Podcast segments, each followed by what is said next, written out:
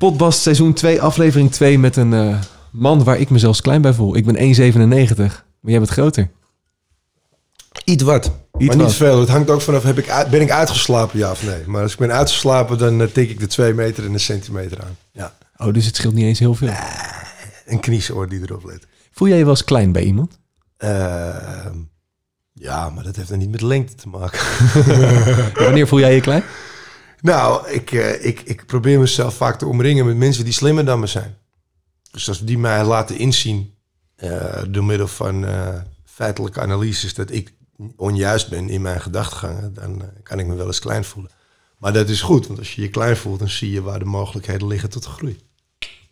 Wijze woorden, gewoon in de eerste minuut van de potbast al. hey, ik, ik zat met mijn oma een beetje door te nemen welke gasten er zouden komen. En ik weet niet, is dat als stoere hip-hop artiest nou leuk of niet leuk om te horen dat zelfs mijn oma blij reageerde dat jij in de potbast kwam? Ja, je gooit alweer een, een paar stereotypen op een, op een hoop. Dat is dat je eh, rap altijd associeert met stoer. Eh, dat kan. Dat is zeker eh, het imago wat we pretenderen te hebben. Ik ben ook fucking stoer. Dat is ook een feit. Maar muzikaal gezien heb ik me altijd geprobeerd eh, vrij kwetsbaar en open en eerlijk op te stellen. Dus ehm, als je kijkt naar, naar mijn werk en, en, en, en de woorden die daarin zitten, dan valt het met het stoere denk ik wel mee. Maar we werden onlangs in de krant beschreven als eh, de popzangers onder de rappers. En eh, daar, dat, dat, dat is precies hetgeen wat, wat, wat ik altijd heb nagestreefd te willen zijn. Dus je bent blij dat mijn oma je kent. Ik ben super blij dat je oma me kent. Eh, ik heb altijd gezegd, doelgroep is 8 tot 80. Dat is een goed familiespel. Oma is 90. Nou ja, moet je nagaan, weet je. Die valt toch buiten de curve ook. Dat is fantastisch. Eh, nee, want kijk, als je naar rap gaat luisteren... eh, ik, ik heb altijd als leidraad genomen... als mijn moeder het meteen kan horen wat we het over hebben... dan zijn we op de goede weg. Dus dan moet je ook oppassen met krachttermen. Je moet ook oppassen met te veel slang erin gooien. Ik kan een rap voor je eh, rappen in slang... dat alleen maar de straattaal en de jeugd snapt wat er gezegd wordt. Ja, dat kan. Maar dan rap je eigenlijk in codetaal. Super cool voor de mensen die de code spreken. Maar er zijn natuurlijk altijd veel meer mensen die de code niet spreken. Dus bedien je dan maar gewoon van algemeen beschaafd Nederlands. Eh, met een beetje klankruimte tussen. ja. En dan snapt oma het ook. Volledige naam. Frans Christian Frederiks. Leeftijd. Ik ben 38. Beroep. De korte versie is muzikant. Eh, maar daar zitten wat meer haken en ogen aan mijn... eh, ik denk dat ik eigenlijk betaald word om mezelf te zijn. Dat, dat is de situatie die ik heb eh, weten te fixen. Bekend van. Populaire rapliederen als eh, Het Land van, eh, Zinloos en eh, Zing voor me. Verliefd, verloofd of getrouwd. Eh, ik, ik was getrouwd. Eh, dat ben ik niet meer. Eh, ik ben ook niet verliefd. Ik ben ook niet verloofd. Eh, ik heb een prachtige band met de moeder van mijn kinderen. En dat is mijn beste vriend. En eh, daarom ligt zij ook boven te slapen hier. Mijn meest nutteloze talent. ik kan heel veel op dingen opnoemen waar ik gewoon slecht in ben. Maar dat is dan geen talent natuurlijk. Ik ben er echt goed in, maar je kan er eigenlijk niks mee. Nou ja, ja ik kan heel goed dingen uit de bovenkant van een kast pakken. Misschien verzin ik straks iets beters, maar dit is hem voor nu. Wat was eh, de allereerste keer dat jij in, eh, bewust in aanraking kwam met eh hip-hop? Eh, nou, dat was op vrij jonge leeftijd. Ik denk toen ik een jaar of acht, negen was op de basisschool. We luisterden altijd Michael Jackson en Danny de Munk. En toen kwamen de eerste Turn Up The Bass bandjes. Dat waren een soort van compilatiebandjes. En daar stond dan af en toe eens een nummertje van L Cool J tussen of een De La Soul. En toen eigenlijk vrij snel daarna kreeg ik een bandje van een jongen op school. En dat was van de Two Life Crew. En de Two Life Crew was een eh, rapgroep uit Miami. En hun grootste hit was eh Miso Horny. En eh, toen ik negen was, denk dat ik mezelf de Engelse taal heb geleerd door middel van het nummer. Ah, Miso Horny, ah, ah, Miso Horny. En ze hadden natuurlijk ook nog een fantastisch liedje dat heette Face Down Ass Up. Het refrein daarvan was Face Down Ass Up, that's the way we like to fuck. En wij zaten dus als mannetjes van negen jaar, zaten wij op een tape recorder. In de klas zaten wij die shit te luisteren. En ik kan me nog één keer herinneren, kwam, de meester die kwam binnen. En die luisterde zo. En die, die- ik zag hem denken van, nou, dit kan ik niet goed horen. En toen liep hij maar weer door. Hij kon het gewoon niet geloven dat we dit soort shit aan het checken waren. Dus dat was de eerste hiphop. En dat, ik vond het toen al heel grafisch en ik snapte precies waarover ze het hadden. Het was niet van dat ik dacht van nou, wat doe je met je reet in je lucht en je gezicht naar beneden? Eh, met het woord fuck ervoor. Nee, dat was wel helder wat er, wat er bedoeld werd. En toen, ik denk 13, 14 was ongeveer, 12, 13. Toen hoorde 1992, denk ik, hoorde ik het voor het eerst Nederlandse rap. Osdorp Possie en, eh, en een paar jaar later Extins. Ja, en toen was het hek van de dam. Toen dacht ik van oké, er zijn dus gasten die dit gewoon doen. En die er gewoon eh, geld mee kunnen verdienen. Die cd's uit kunnen brengen en die kunnen verkopen. Ik zag wel dat muziek een product was ook. Want ik was zelf een consument van eh, allerlei producten van in de muziek al. En voor mij was er ook al Extins, Osdorp Possie, Postman, Def Rhymes, uh, E-Life, Unique, Sugarcane. Dat waren mensen die gewoon al jaren aan het grinden waren. En die hier een, een, een, een, een hip-hop scene uit de grond stampte. Terwijl er eigenlijk nog niemand op zat te wachten. En er helemaal geen het commercieel succes. eh, de kans daarop was heel klein, zeg maar. En eh, ja, weet je, als Kees de Koning geen platen uit had gebracht met, Extinct, dan was het voor mij nooit een, eh, een, een, een, een vruchtbaar economisch idee geworden om daadwerkelijk je leven aan te wijden. Nee, maar dat is het uiteindelijk wel. Laten we eens even luisteren Ja. naar wat je allemaal gedaan hebt. Oh jezus. Lange Frans wordt op 12 november 1980 in Amsterdam geboren als Frans Christian Frederiks. Hij groeit op in een muzikaal gezin in Diemen-Zuid en als hij 17 is richt hij samen met zijn broer Thijs en jeugdvriend Bart de rapgroep D-Man op. De mixtapes worden goed beluisterd, maar Frans wordt pas bij het grote publiek bekend als hij samen met Baas B de track Moppie dropt. Moppie, moppie, moppie. Ik vind jou helemaal toppie. Ik krijg je niet meer uit mijn koppie. Oh, moppie. En daarna gaat het hard voor Lange Frans en Baas B. Ze scoren meerdere nummer 1 hits met tracks als Zinloos en Het Land van. Kom uit het land van Pim Fortuyn en Volkert van de G. Het land van Theo van Gogh en Mohammed B. Kom uit het land van kroketten, frikadellen. Die je tot aan de Spaanse kust kunt bestellen. Maar het leven van Frans bestaat niet alleen uit pieken. Hij krijgt een zakelijk conflict met baas B, komt in geldnood en raakt verslaafd aan drank en drugs. Maar Frans is een vechter en pakt zijn problemen aan. Hij zoekt hulp voor zijn verslaving, blijft optreden en begroeft dit jaar na 10 jaar ook de strijdbel met baas B. Dit is voor Nederland. Baas B. Lange Frans. Vandaag de dag wordt de rap scene dan misschien wel gedomineerd door kleine, maar het begon ooit met die lange.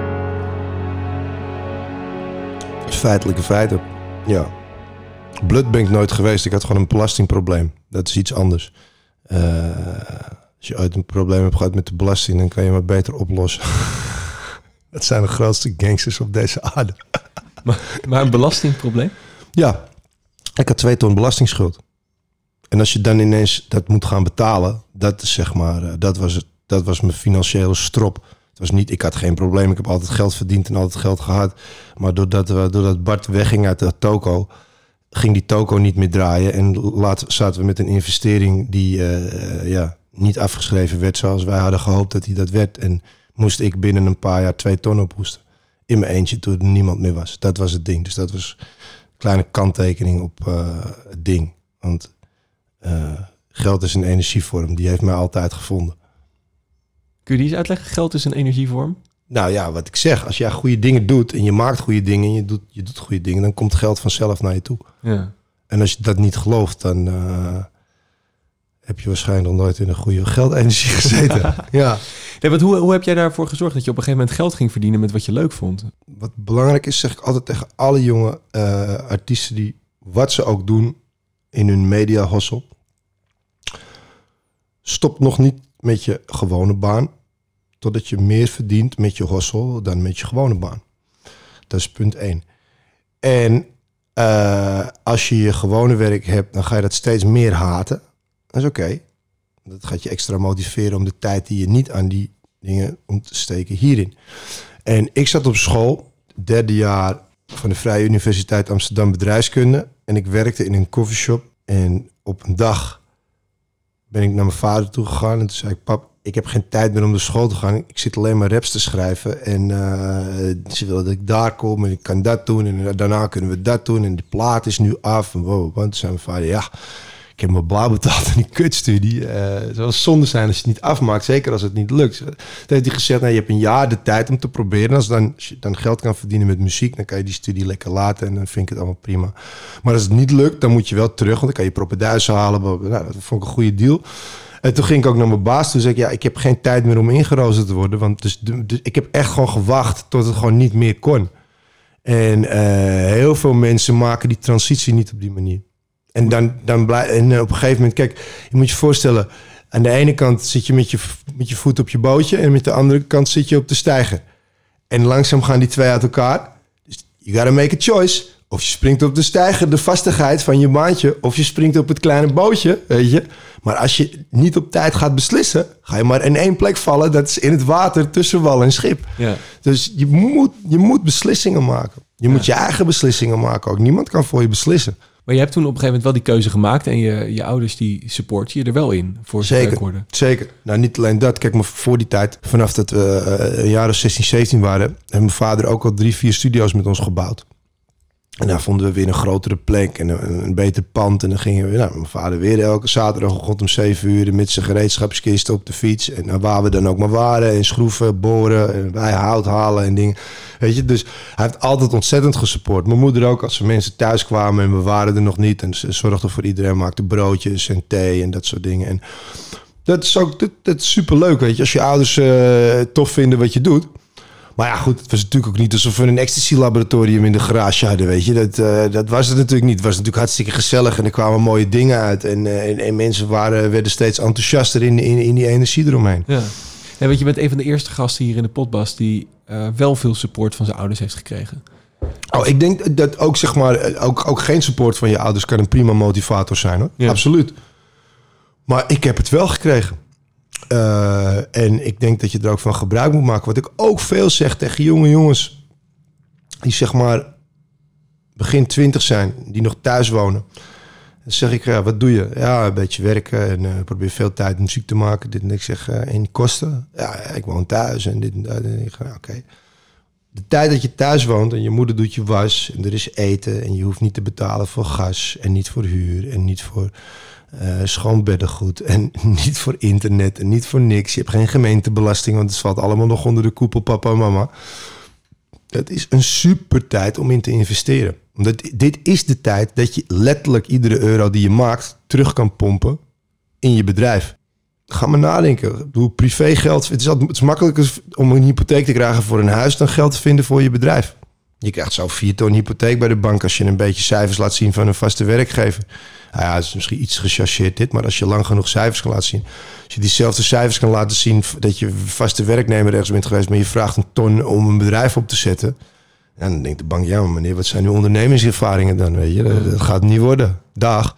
Geld wat je in je bedrijf kan pompen, dat is, dat is goud waard. En dat, dat kan altijd alleen maar, eh, dat heeft de potentie om, om te verveelvuldigen.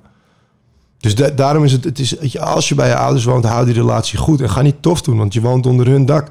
Dus heb respect voor ze. En eh, ehm, ja, bouwen. Kun je mij eens meenemen naar het eerste moment? Want ik hoorde dat jij van je vader een keyboard kreeg op een gegeven moment... of een, Atari-computer. Ja, mijn vader kocht een nieuwe computer. Dus wij kregen ergens een oude computer. Maar het is een Atari. Daar kon je teksten werken. Je kon het prachtig printen. En, en, en er zal waarschijnlijk een, een, een variant van Tetris op hebben gezeten. Ik, dat was het gewoon. Maar een van de dingen wat die Atari's ook hadden... was eh, het programma Cubase. Dat is de voorloper van Logic, zeg maar, en Pro Tools. En dat, dat, dat, dat is straks de MIDI-timing. Dus dan had je een klein keyboardje. Onge en er zit een MIDI-kabel in. Dat sloot je dan aan. En dan kan je, afhankelijk van wat voor geluiden je in het keyboard had zitten... kon je die aansturen met de computer. En dan kon je dus, nou ja, goed, wat je dan dus niet met, met je vingers kon, omdat je niet een pianist bent, zeg maar, kan je allemaal met de computer. Dan moet je nog steeds de computer vertellen welke knopjes die je moet drukken. Dus dan ben je er nog niet. En dat was de eerste keer dat we dachten van, oké, zo werkt het. Maar dat was ook nog de tijd dat als je een, een, een extern geluid in wilde laden, dan had je een, een, een sampler nodig. Nou, dat is een apparaat van 12 kilo zo groot als een Betamax videorecorder. En, de- en dan moest je op het oor met 16 digits. Had je, je kon er niet kijken als je nu op je computerscherm je waveform hebt. Of nou ja, we hebben allemaal een com- telefoon. Dus kijk maar naar je voice recorder op je iPhone. Dat is een wave. Die kan je knippen, die kan je plakken. Daar kan je een adempje uithalen. Dan gooi je compressie overheen. Dat kan je super sexy maken. Maar dat, dat, en toen was allemaal veel meer behelpen, behelpen, behelpen. Nou ja, goed, wij bleven daar enthousiasme in houden. Ondanks dat het heel moeizaam was. Waren ook eens dat we twee uur aan het sleutelen waren. Dat we eindelijk vier drumgeluiden in, de, in, in, in, in, in het systeem hadden. En dat toen iemand op een verkeerde knop drukte, alles weg. Ja. Eh, Jouw schuld. Ah, ja, fuck it. Maar toch opnieuw beginnen. Normaal, er zijn heel veel mensen die op een gegeven moment denken... ah, fuck it. We gaan gamen. Ja, fuck it. We gaan suipen. Maar wat was het dan dat je er zo in trok? ja, eh, dit is wat ik moet doen. Ja, eh, en, en ik ben er ook nog eens heel goed in. En ik vond dat ik er beter in kon worden nog. En ehm, ik wilde me ook gewoon uitdrukken. Eh, ik denk dat dat ook belangrijk is. Plus, ja, het is ook een hossel. Wij kregen ook al vrij snel de smaak van de hossel te pakken. Toen we optraden op uh, Bartse middelbare school, maakte hij een liedje wat speciaal eh, geschreven was voor dat event, zeg maar. En kregen de middelbare school, hadden wij al gewoon geld gevraagd. Kregen gewoon 200 gulden. Terwijl alle andere kinderen die wilden optreden, die waren al blij dat ze mochten optreden. En wij waren zo brutaal dat we gewoon naar de rector gingen. Het was niet eens mijn school. En, en, Bart ging naartoe ja, luister, we zijn toch al heel professioneel bezig. We gaan hier tijd in investeren. En we moeten in de studio en een heel verhaal, weet je wel. Eh, ik heb 200 gulden gehosseld voor, eh, voor die track die we hadden gemaakt. Wat een hele goede track was. Maar die 200 gulden voelde ook wel, wel, wel flex. Weet je, daar konden we toch weer dingen mee doen. Ja, maar dat is ook eigenlijk de vraag die ik net probeerde te droppen. Van hoe ga je die overgang maken naar geld dan? Want het is toch dat je moet zeggen, ik wil hier geld voor hebben. Nou ja, eh, kijk, wanneer kan je ergens geld voor vragen als je een product hebt wat bovengemiddeld is? Als, als, als, als ik iets maak wat iedereen kan maken, ja, dan kan je er geen geld voor vragen. Tekeningen van kinderen zijn voor één iemand wat waard. Voor de ouders aan wie ze gegeven worden. Voor de rest, ja, kan je een stapel met 700 kindertekeningen meenemen. Ja, ja, goed, leuk, weet je wel. Dus dat is het. Ja, ik denk gewoon, het, moet gewoon goed zijn. En het werd steeds beter Ja. ook. En eh, ja, als iets goed is en beter wordt, dan kan je er geld voor vragen. En je moet ook op een gegeven moment er geld voor vragen. Als je ergens namelijk geen geld voor krijgt, dan kan je ook op een gegeven moment je droom aan de wil gaan hangen. En denk ik ga toch maar weer die brave kantoorrobot worden waarvoor ik ben geprogrammeerd vanaf de basisschool. Jouw keuze, jouw leven. Ja. En dat geld dat investeerden jullie weer in de studio. Ook in jointjes, veel hash, veel wiet. Ja, absoluut. Heel veel softdrugs. Ehm, maar ook, we hadden ook altijd lege cd's nodig om, om weer liedjes op te branden, om weer te kunnen verkopen. Ja. En, en weet je, af en toe wat nieuwe kabels, microfoons of, of t-shirts, merchandise, allerlei dingen die we... Ja, oh, goed, god, als muzikant heb je altijd kosten. Want je hebt altijd nieuwe ideeën. Ja. En die moeten altijd bekostigd worden. Ik bedoel, ja, je hebt, op een gegeven moment heb je vier videoclips, maar dan ga je een nieuwe plaat maken, heb je weer vijf videoclips nodig. Dus ja, eh, dat, dat, dat gaat altijd maar door natuurlijk. En wat maar was- heel veel hash en wiet ook in die tijd gewoon. Hoor. Ik, denk, ik durf te wedden dat die 200 gulden gewoon in de coffeeshop om de hoek eh, op dezelfde dag al is geïnvesteerd in een grote zak hash. Ja. En wat heeft die zak gebracht verder? Misschien het refrein van Moppie, ik weet het niet, geen idee. Maar, maar ook dat was een investering die de moeite waard was. Ja. En wanneer was het dat je voor het eerst dacht, eh, dit, dit, eh, dit werkt? Nou, we gingen meedoen eh, op een gegeven moment, eh, vanaf dat we een jaar of 20, 21 waren. Toen durfden we iets meer naar buiten te treden. En toen begonnen we mee te doen aan talentenjacht in Amsterdam. En die wonnen we. Eh, als je de talentenjacht wint, dan ben je niet de slechtste van alle talenten. En dan kwam je in een volgende ronde en in een ding. Dan mocht je een keer naar een grotere studio. Door die talentenjacht kwamen wij in de studio waarin ik eh, de producer heb ontmoet die mijn grootste hits heeft geproduceerd. Zoals Het Land van en zoals eh ehm, Zing voor me, die hier hangt met Telau. Nou ja, goed, dat is het. Dus als ik, in, als ik dus als die talentenjacht niet hadden gewonnen, dan, dan waren we daar misschien nooit gekomen. Nee. En dan hadden we die relatie met eh, die relaties. Het zijn er meerdere geweest daar met, met, met allerlei jongens die ja, ook in de hip-hop actief waren. En dat al op iets professioneler niveau deden dan wij toen de tijd. En ja, dat heeft er wel voor gezorgd. Dus je moet op een gegeven moment moet je naar buiten. Ja. Je kan wel heel lang binnen blijven zitten deze dag in de hoop dat je heel veel gaat streamen of zo. En dan kan je een soort van imago opbouwen van achter, vanuit je slaapkamer. Maar in de tijd dat, weet je, wij moesten echt naar buiten. Wij moesten ook echt laten zien dat we echt konden rappen. Ja. En dat, dat was de game gewoon. En tegenwoordig kan je veel langer faken dat je heel goed kan rappen totdat je het echt moet doen. Dus je, kan- je kan langer frauderen deze dagen. En vroeger, je kon gewoon niet frauderen. Als het niet doop was, was het niet doop. Ik heb op open mics gestaan waar gasten gewoon echt gewoon bierflessen naar hun hoofd kregen als het niet doop was. Het was niet van dat iedereen baldadig was en ik ga jou een bierfles tegen je hoofd gooien. Maar meer van luisteren, als je hier het podium betreedt, dan moet je gewoon doop komen. Ja. En de gasten die bierflessen gooien, dat waren niet andere rappers. Dat waren gewoon puristen, gewoon fans, gewoon hip-hop fans. Die gewoon daar kwamen. Ze van luister, dit is onze spot. Hier wordt altijd goed gerept. Als iemand hier... Ik heb echt gasten zien rennen. Dat ze dachten van, weet je, gasten die van, van, van, van ver kwamen om hun raps te laten horen. En, en als je dan op het podium kwam, bijvoorbeeld al met te veel attitude van tevoren. En attitude is oké, maar daarna moet je flow wel, zeg maar, matchen met die attitude. Ja. En dan moet hij ook kloppen op dat moment. En als iemand met te veel attitude kwam en vervolgens bracht hij het rappend niet, poeh, dan wilde je niet staan in de Winston Kingdom in Amsterdam hoor. Vond je het spannend om daar te staan? Nou ja, de eerste keren dat ik ging, eh, heb ik niet gerept. Nee, maar gewoon apen te boom kijken. Van afstand, ervaren, gewoon rustig tegen de kant aan. En ik kwam net kijken, weet je. Ik was ook nog niet. Ik kwam daar voor het eerst. Ik kende, ik kende weinig mensen. Dus dan ga je ook niet meteen. eh, en toen zag ik eh Shyrock en Brainpower zag ik daar rap op het podium. En eh, ja, wat ik wel weet is, die stonden er met zoveel zekerheid en, en zo goed op elkaar ingespeeld. Ik weet, en volgens mij was het nog een freestyle die ze aan het doen waren ook. En dat inspireerde me wel, dat ik ook dacht van, oké, ik moet nog harder oefenen, nog harder oefenen, nog harder oefenen. En toen kwam ik een paar maanden later kwam ik terug en toen dacht ik, ja, oké, nu, nu ga ik ervoor. Weet je, zoals je bijvoorbeeld ziet hoe het in de films van Eminem gaat met 8 Mile en zo. Dat is wel echt hoe het is. Ja. Weet je, van tevoren overgeven in de play, eh mom spaghetti, dat soort shit. Ja, het is wel echt, het is een scène, we spelen een rol. Maar daar moet je mee leren omgaan. En, en, eh, Hoe leerde jij daarmee omgaan? Hoe kampte je daarmee? ja, je moet gewoon doen. Weet je? En ik ben niet zo heel nerveus aangelegd en ik ben erg zeker van mezelf. Maar het, dat kan je binnenskamers zijn. Het, er is een moment dat je zeg maar, die zekerheid moet gaan vertalen naar, naar het echi. Ja. En dan doe je het met andere mensen erbij. En dat, eh, ja, met vallen en opstaan natuurlijk. Ja. Maar eh, meer opstaan dan vallen. En op een gegeven moment gingen jullie best hard. Eh, het geld kwam binnen, de shows kwamen binnen. Het, Nou, het is allemaal vrij geleidelijk gegaan. Ja? Voor het oog. Dus dat, wat je zegt klopt voor mij in essentie niet. Er Nee. zit gewoon een hele stabiele groeicurve in. Het is nooit exponentieel gegaan. Maar op een gegeven moment eh, de overgang van eh, het studiootje in de garagebox naar een groot podium waar je geld binnenharkt, fans voor je neus staan. Hmm. Eh, hoe, hoe is dat moment dat je daar staat? Dat je denkt, ja, fuck, volgens mij werkt het. Dat weet ik niet meer. Dat is lang geleden. En het ging allemaal snel. En, het- maar het was ook gewoon een plan. Je, hebt gewoon een plan. En, en we deden eerst twee mixtapes. En aan het einde van de tweede mixtape kwam het album uit. En het album was eigenlijk al af voor de eerste mixtape. Dus wat voor het publiek altijd lijkt als, als, een, eh, als hele spontane leuke dingen die ze meebeleven in een soort avontuur. Daar hebben andere mensen al jaren van tevoren over nagedacht. Ja, Dat is ook de muziekbusiness. ja.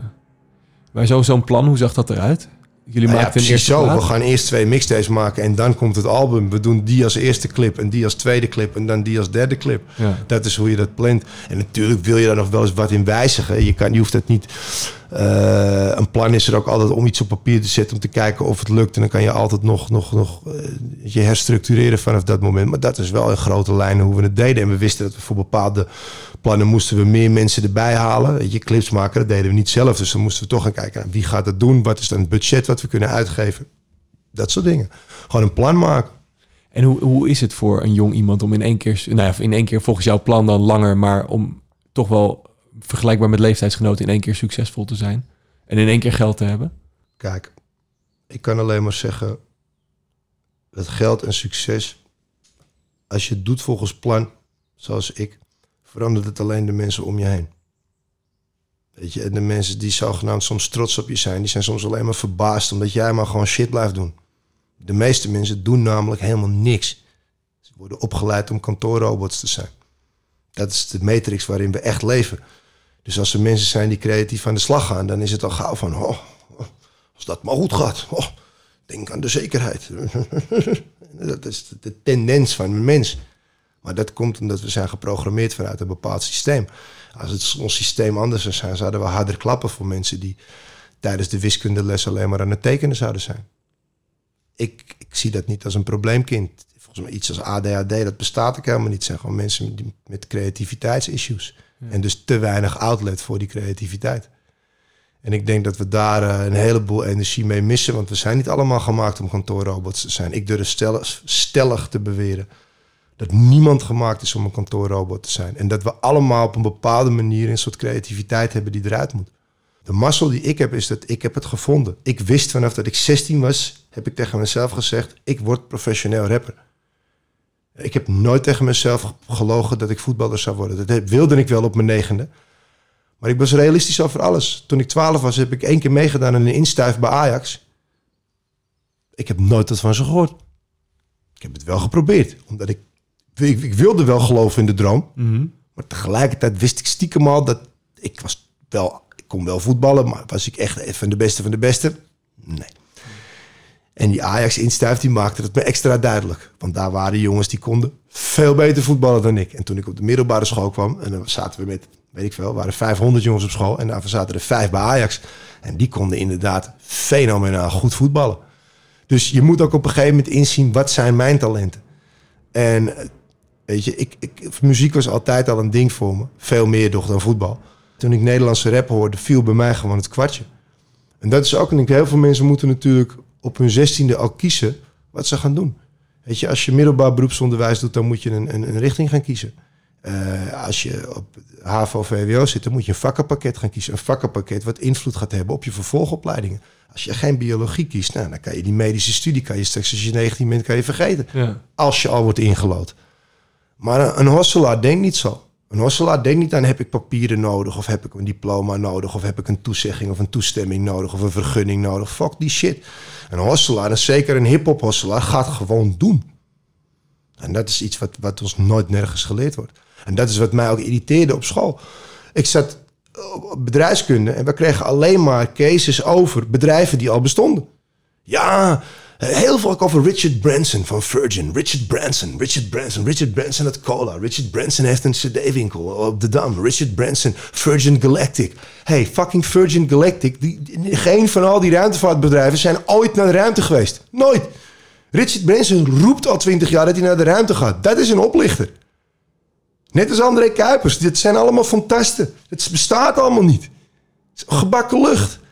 In die boeken moesten we wel zeg maar, zijn bedrijf emuleren en nadoen en gaan nadenken. Wat als je dit plan zou moeten pitchen binnen.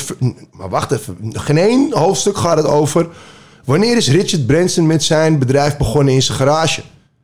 Apple, uit de garage. Nike, uit de garage. Lange Frans, uit de garage. Waarom gaan mensen een bedrijf beginnen in hun garage? Omdat de fucking enige plek is die ze hebben, die ze kunnen betalen op dat moment. En met bief met hun vrouw waarschijnlijk ook nog, omdat de rotzooi uit de garage nu in de tweede slaapkamer staat. Dat zijn garagebedrijven. Wij moesten de garage van ons, van mijn vader, moesten we huren. De auto van mijn vader ging naar de garage van Bart zijn moeder. We moesten gewoon gas, licht betalen, alles. En wij- we moesten wel, die, weet je... Die zeiden van, oh, eh, oké, nee, we willen wel helpen. Maar dat zit toch, ja, toch onze garage huren. Dat, dat is het. Dus wanneer mensen vanuit hun eigen huis zeg maar, aan het knallen zijn... dan vind ik het interessant.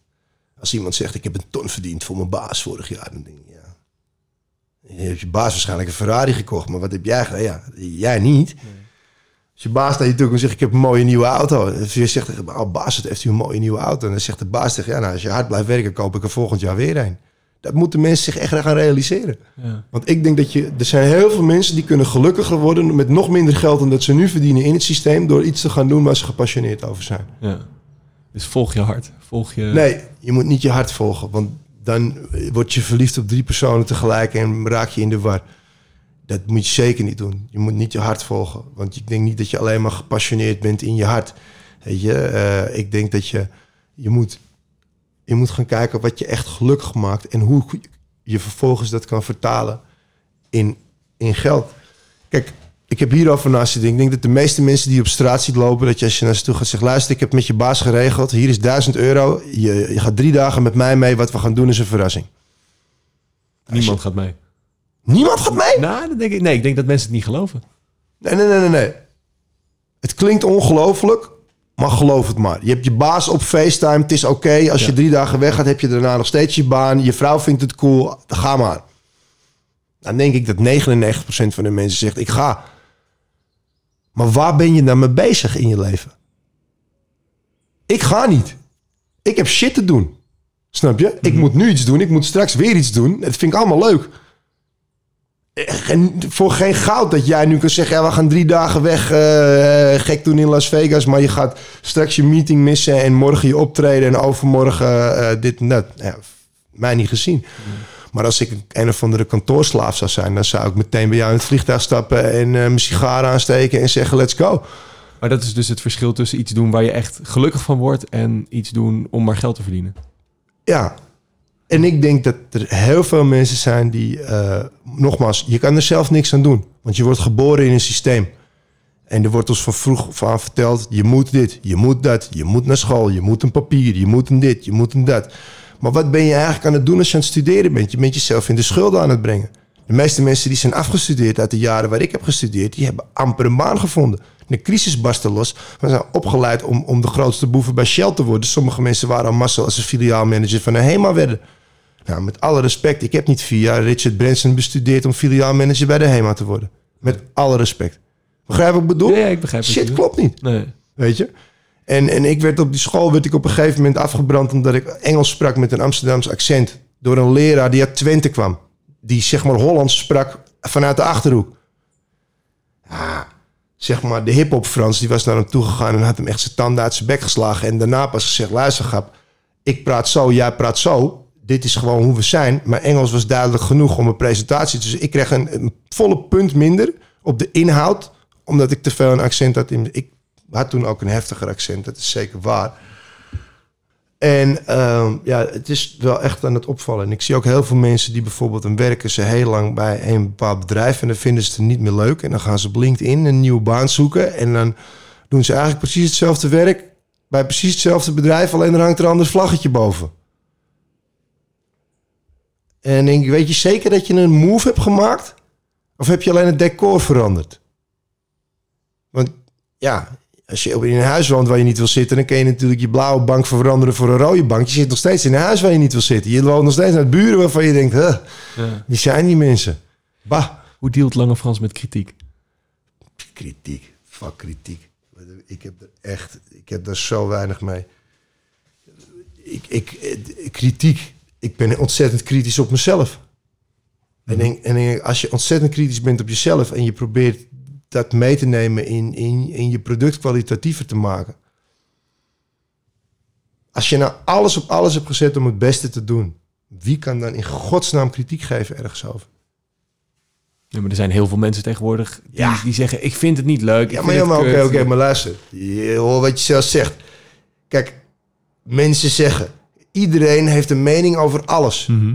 Eh, waarom? Een mening kost niks. Grap, als een mening 5 euro kostte... had niemand meer een mening. Stel, je moest 5 euro posten... voordat je iets gemeend zei op Facebook over iemand. Facebook was één grote billenlikkerij geweest. Nee, maar ik, daar maak ik me echt niet meer zo druk om. Kijk, natuurlijk, je leest wel wat er geschreven wordt... maar het, het is bij mij nooit geweest... dat er meer dan 20% haat was of zo. Weet je, en veel haat in de hip-hopwereld komt door een stukje jaloezie. En eh, vroeger zag je dat misschien anders als nu. Weet je, dat je er een beetje anders naar kijkt. Maar nu weet je gewoon van ja, het enige wat je kan doen als je succesvol wil zijn, is gewoon niet stoppen. Kijk, als iemand met een bepaald seniorenlevel, ja, dan, kan je er wel, dan zou je er wat voor aan kunnen trekken. Als een van je helden zegt, ja, super kut, maar niet doen. Nou, dan is het nog een advies. Als een van je helden zegt, eh, het is super kut, dan Lange Frans is ook super kut. En het is niet zo, ja, dan kan het wel pijn doen, maar dat is me nooit gebeurd. Ik, ben, eh, ik heb een sterk eh panzer, denk ik. Heb je dat altijd al gehad? Ja, ook wel. Maar ik, nogmaals, ik heb niet zo heel veel kritiek gehad, denk ik hoor. Of ik heb het gewoon niet gelezen. En heb me gewoon niks gedaan. Dat is ook natuurlijk een super ding. Je- Kijk, dat zeg ik ook tegen, vooral tegen de jonge artiesten waar ik mee werk. Zeg, je, je moet niet op, eh, onder YouTube de comments gaan lezen. Zeker niet bij een 1 1 bar sessie. Wees gewoon, weet je, kijk naar heel veel mensen hebben het gezien. En, en, en, en voed jezelf met de reacties die je krijgt op straat. Want als iemand op straat tegen je zegt... hé hey man, dope, sessie was hard. Dan voel je dat echt wel in je hart. Weet je, dat is, dat is top. Maar de kans dat iemand naar je toe stapt op straat en zegt... hé hey man, je sessie was echt fucking nep, bro. De kans is best wel klein. Mensen zullen toch eerder geneigd zijn om iets leuks te zeggen. En als iemand dat vindt, dan zal diegene dat op straat vaak niet zeggen. Nee. Dus je, je moet het een beetje vertalen naar... kijk maar hoe mensen echt reageren. Ja. Is hetzelfde. Je hebt een gevoel als je een kamer inloopt... er hangt een bepaalde sfeer.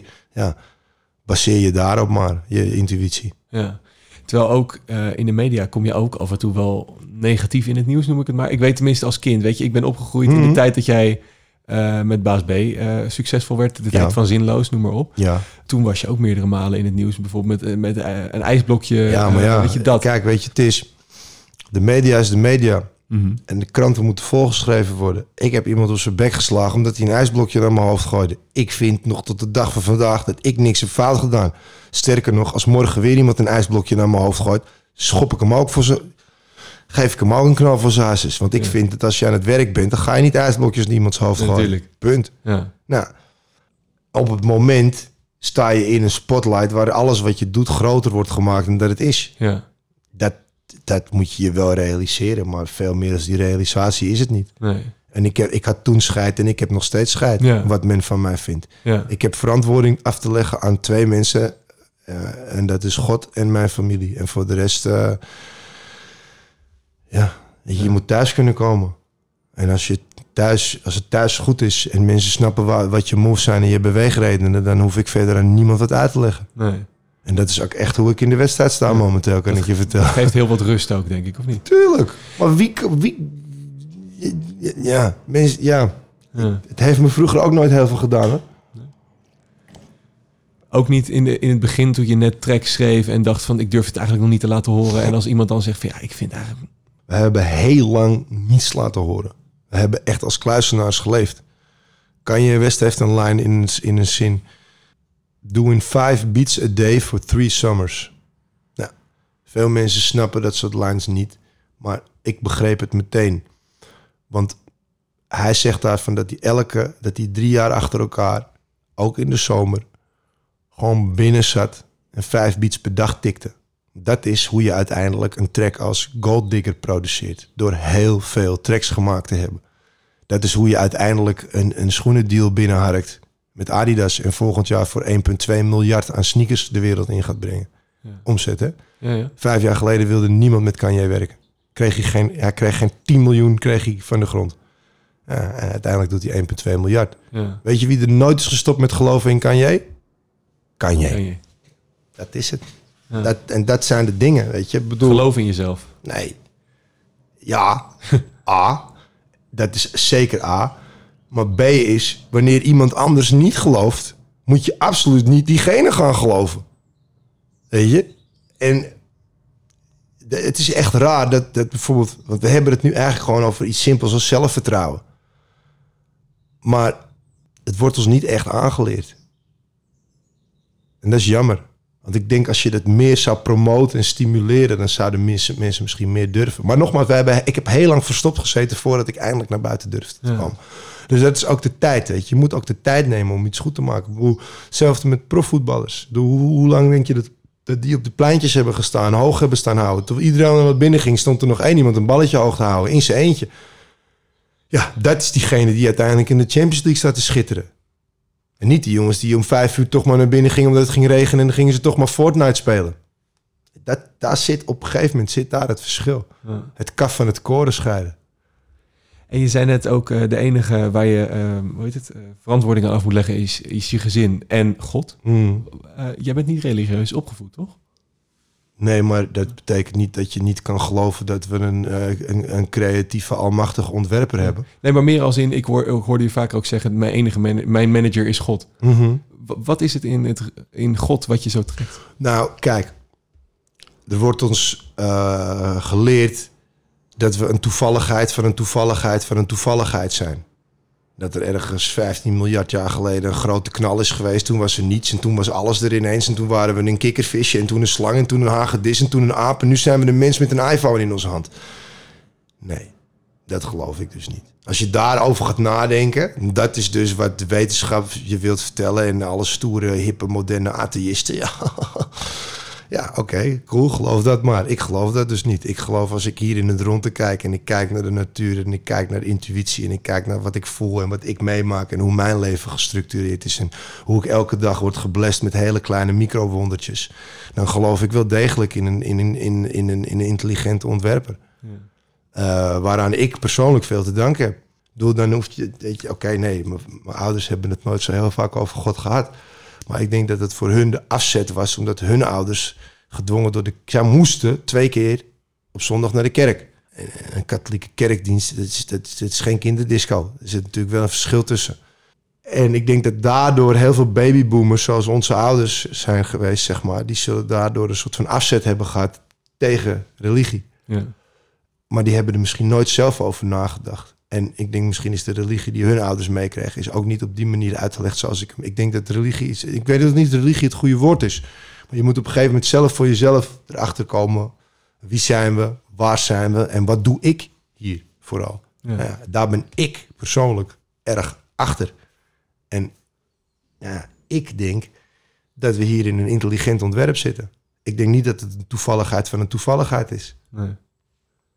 Ik weet het niet. Ik pretendeer het ook niet te Nee. weten. Zeker niet zelfs. Nee, ik nee. weet alleen dat ik, eh, ik leef in groot ontzag en dankbaarheid voor onze schepper.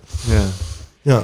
En de laatste jaren ben je ook eh, eh, bezig om jong talent in het zadel te helpen. Je bent eigenlijk, nou ja, mag ik zeggen, de grote man achter Leeuw Kleine deels? Nou, dat zijn grote woorden. Ik denk dat mijn vrouw, ik ik denk dat, ik denk dat mijn vrouw de grote vrouw is geweest achter de klein. Ja. En Ja. Donnie? Nee, ik heb, ik heb eerst, ja, Jorik en Donnie zijn alle twee zeker bij mij begonnen. Eh, op een bepaalde manier. Ehm, er zijn heel veel mensen die voor het eerst hebben gerapt bij mij in de studio. Omdat ik, mijn drempel is laag en mijn hart is groot. En, en, en ik heb, nou, je ziet het hierachter. Je staat al, er zijn nu drie microfoons in dit huis. Want daarachter staat er nog één. Die kunnen jullie allemaal niet zien, maar die staat er wel. En ik geef mensen graag een kans om te rappen. Ja. En als iemand goed rapt, nou, dan mag je van mij wel nog een keer rappen. Ja, dat is ook hoe het gaat. En er zijn genoeg mensen, er zijn altijd meer mensen die hebben één keer gerapt, die mochten nooit meer rappen. Nee. Laat me horen wat je kan. Ja, soms is het gewoon kut. Maar wat is het dan dat jij die gasten wil helpen? Want je had ook kunnen zeggen van, joh, hey, ik doe mijn eigen ding en eh, de groeten. Ja, dat heb ik ook altijd gedaan. Als je zelf genoeg hebt, dan ga je delen. Het zit in een mens om te delen. Ik ben ook alleen maar waar ik ben, omdat er mensen zijn geweest die mij ook een kans hebben gegeven. Omdat ze een deur open hebben gezet, omdat ze mij iets geleerd hebben op de computer of met software of wat dan ook. Nou, dus als ik hun die kans heb kunnen geven, dan heb ik dat kunnen doen. Wat, het enige wat ik hoop is dat hun vroeg of laat hun deur ook weer openzetten voor iemand die nu staat te trappelen. Want dat is, het is, dat is ook wel een beetje de game. Je moet een beetje doorgeven aan elkaar. En ik, maar nogmaals, los, ik, ik ben niet een een of andere goedzak. Helemaal niet. Ik ben wel goed, maar ik ben geen vrijwilligersinstelling. Ik ben niet voor eh repje, repje voor een stuiver. Ik zag gewoon ook brood in die gasten. Ze waren gewoon ontzettend fanatiek in wat ze deden. En ze hadden alle twee een eigen stijl. En ze waren voor de, voor de duvel niet bang. En, en, ja, dan zie je, de een moest wat meer werken aan dat, de ander moest wat meer werken aan dat. En, maar goed, pas toen ze alle twee hun eigen superproducers vonden, kwam het echt van de grond. Ja. En dan heb ik, weet je, dat is het ook. Je kan een hele goede rapper zijn, maar als je een producer hebt die geen goede tracks voor je maakt. Ja. Zelfs Eminem was een battle rapper. De beste battle rapper, weliswaar. Maar Dr. Dre heeft een songwriter van hem gemaakt. Dr. Dre heeft gezorgd dat Eminem van een battle rapper naar een popartiest. Dus die, die heeft op een gegeven moment echt wel gezegd: nou, we gaan dit wel doen, we gaan dit niet doen. We gaan die beat pakken. En al die mob, die beats van je, die kun je hup, de prullenbak in. Of dan nemen we er één van op de 19, maar de rest eh, gaan we een beetje anders doen. Weet je, dat, dat, het is, en moet je voorstellen, als Eminem nooit Dr. Dre had ontmoet, dan, dan was dat allemaal niet. Dus succes is niet alleen afhankelijk van jezelf. Het is wel de- de, in de- belangrijkste factor. In de muziek eh, zijn er zeker mensen die heel veel succes kunnen hebben zonder heel veel talent. En in de muziek is het ook van, er zijn, eh, als je een goed team om je heen bouwt, is het ook belangrijk. Je, je, kan, je kan een hoop alleen, maar je kan niet alles alleen. En als ik jou nou vraag, hoe word je succesvol? Wat zou je zeggen? Stel dat ik nu naar je toe kom als jonge rapper en ik zeg... Mhm. Frans, hoe word ik een succesvolle rapper? Wat zou je me zeggen? Nooit stoppen. En ik ga nu een tekening voor je schetsen. In je hoofd. je ziet twee mannen met een pikabel graven in een mijn. En eentje vindt een kleine diamant. En die rent de mijn uit. En daardoor is die andere guy met die pikabel is gedemotiveerd. Die denkt, shit man, hij heeft het diamantje gevonden. Het is klaar hier. Terwijl als hij verder was gaan graven... had hij misschien wel een hele grote diamant gevonden. Het enige verschil met die guy die het kleine diamantje heeft... en die guy die nu niks heeft... is dat hij is gestopt. Die, die guy met die kleine diamant was ook al dom... want die had ook door moeten graven, weet je. Het is gewoon, ja, door, je moet gewoon doorgaan. Ja, op een gegeven moment moet je ook wel realistisch zijn. Dus als je 40 jaar loopt te rappen en niemand heeft ooit een rap van je geliked... en, en niemand komt naar je shows jaar na jaar na jaar na jaar... ja, dan eh, moet je ook op een gegeven moment wel denken van... het is klaar, laten we het anders gaan proberen. Maar, ehm, weet je, je moet... Ja, ik zeg ook vaak tegen mensen... als je optreedt voor bijvoorbeeld maar vijf mensen... doe je best. Want als je die vijf mensen overtuigt, komen die de volgende keer naar je kijken. Maar dan nemen ze allemaal twee vrienden mee. En dan hebben ze over je verteld. Deze gozer gaat los. Hij heeft teksten, hij staat te rappen alsof zijn leven ervan afhangt. Dat is een beetje de vibe die je moet creëren. Weet je, mensen denken dat er een manier is. Er is geen manier. Je moet gewoon je ding doen. En het blijven doen. En je door niemand laten ontmoedigen. Want jij weet toch wat je plan is? Ik weet wat mijn plan is. Ik sluit de potbast altijd af met, eh, met de, de merch van de potbast, de potbast sticker. Het ziet eruit als een ansichtkaart, maar het is een sticker. De vraag, waar ga je hem plakken? Eh, goeie vraag. Dank je. Ik vind het een mooie sticker. Als ik een skateboard zou hebben, zou die op mijn skateboard komen. Dat zeker. Ik ga nadenken. Ik weet het nog niet, Bast. Ik weet het niet. Ik weet het nog niet. Maar ik geef hem een mooi plekje. Dat sowieso. En nog terugkomend op de allereerste vraag, je meest nutteloze talent? Met alles wat ik goed kan, zou ik wel iets kunnen. ja, nutteloos. Nee, ja, nee, ik weet het niet. Ik heb Niet. geen nutteloze talenten. Nee, ik heb ze niet. Er is niets wat ik echt goed kan, wat, ik niet, wat, wat nutteloos is. Nee, echt niet.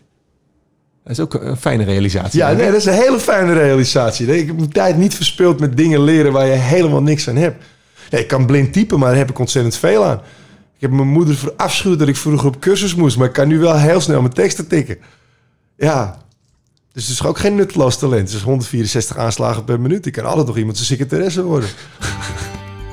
Lieve mensen, ik ben Lange Frans. En je hebt geluisterd naar de podcast waarin ik de gast was. Vond je het, net als wij, een interessant gesprek? Laat dan een leuke recensie op iTunes achter of op YouTube. Dan kan je trouwens ook gelijk het hele gesprek met beeld checken. Als je in je Instagram story zet dat je deze podcast luistert en je tagt de radio meneer, maak je ook nog eens kans op een hele mooie podcast sticker. Ik heb hem hier voor mijn neus liggen. Het is een hele goede sticker. Dit was de podcast met Lange Frans. En wij hopen uit de grond van onze harten dat je er iets van hebt geleerd en opgestoken. Wij hebben in ieder geval een leuk gesprek gehad. En we hopen dat je ervan gaat genieten.